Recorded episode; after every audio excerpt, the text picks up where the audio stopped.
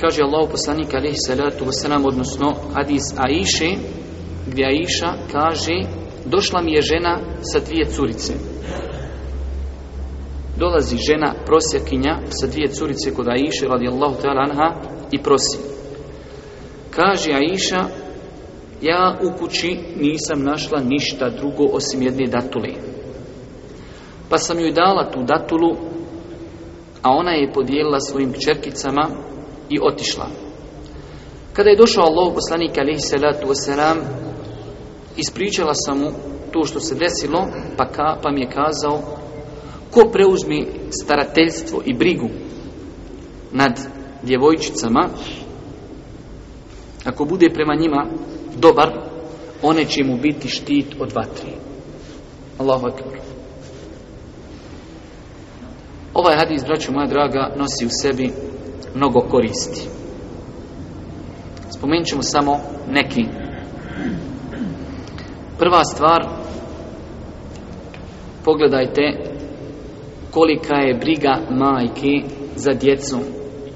Da je majka spremna da se ponizi, da prosi, da traži, samo kako bi udovoljila potrebama svoje djeci Imate ljudi koji ne bi zatražio za svoje lične potrebe toliko je znači ponosan da bi rađe dozvolio sebi da možda umri od gladi ne bi znači zatražio ali kada su u pitanju djeca ljudi drugačije na tu stvar gledaju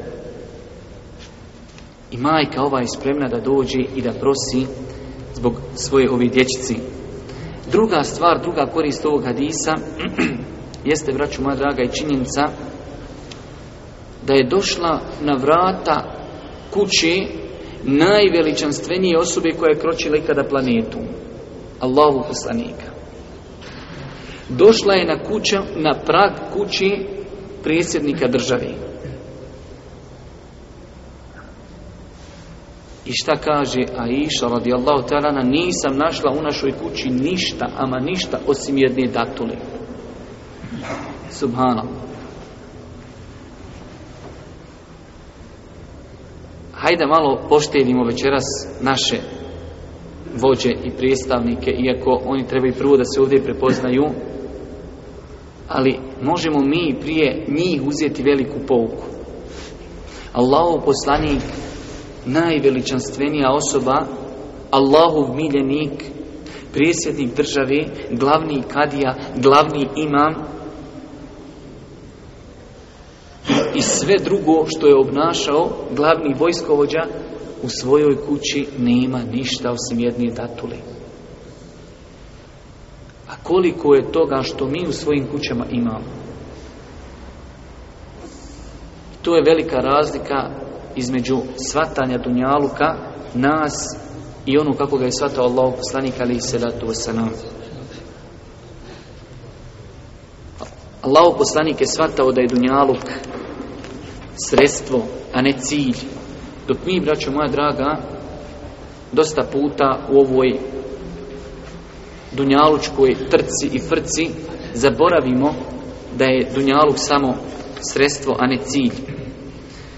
Tako da čovjek kada mu dođu nekada malo teški momenti, malo bude iskušan, treba da se sjeti Allahovog poslanika, da se sjeti njegovog stanja, njegovog hala,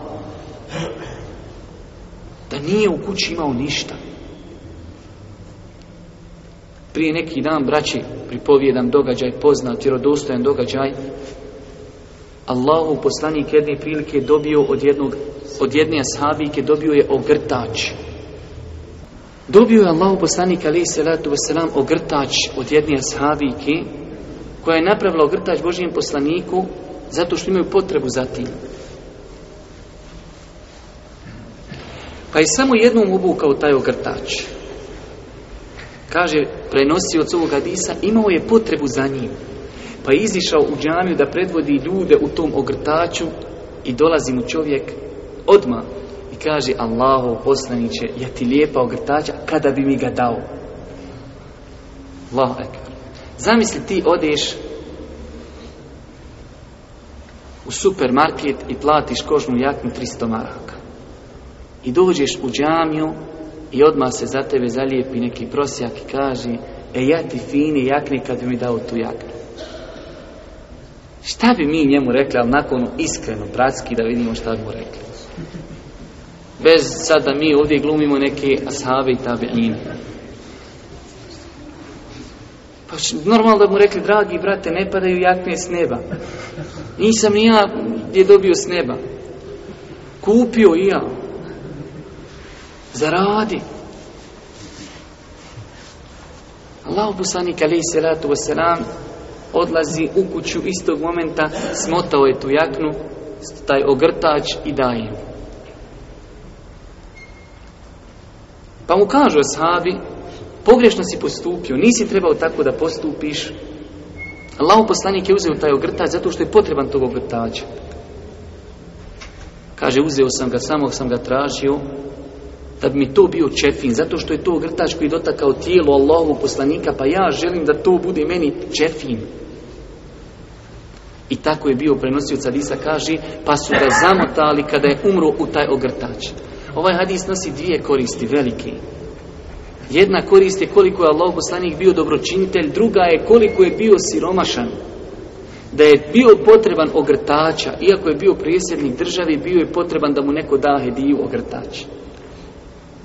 A da je zamolio Allaha da, da, da Safa i Merva budu zlatni, Allah mu to dao. Spavao je na postelji, kada bi ustaju ta postelja, Hasura bi ostavila traga na njegovom licu i na njegovim rukama. I zato kažem, dosta puta mi polupamo te neke lončiće dok smo još na Dunjaluku.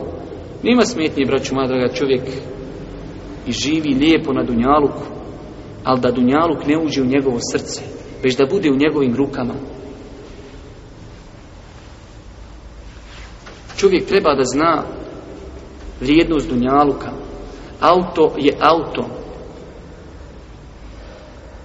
i auto od 2010. godište može, odnosno auto 2000. godište može sve obaviti ono što može obaviti 2010. godište. Ali jednostavno, bitno je da čovjek bude u trendu. I mobitel, onaj koji je prije tri godine, može sve uraditi što može uraditi onaj što je napravljen ove godine ali bitno je biti u trendu. Ali ovaj sad košta, trebaš na onaj svoj, njega će ti uračunati samo 30 maraka, trebaš dati još 1000 maraka da bi uzeo ovaj zadnji. I ljudi to ganjaju. Ima tamo neki megapiksela, ima ovo, ima ono, ko da ćeš sa njim nahađić, sjedniš na njega, upregneš ga i on te vozi preko granica skroz do meki. Ne može, volan mobitele, mobitele, on, njegova glavna osnova je da sa njim pričaš i to je to svakom slučaju kažem, ostavlja traga na nas društvo koje nas okružuje.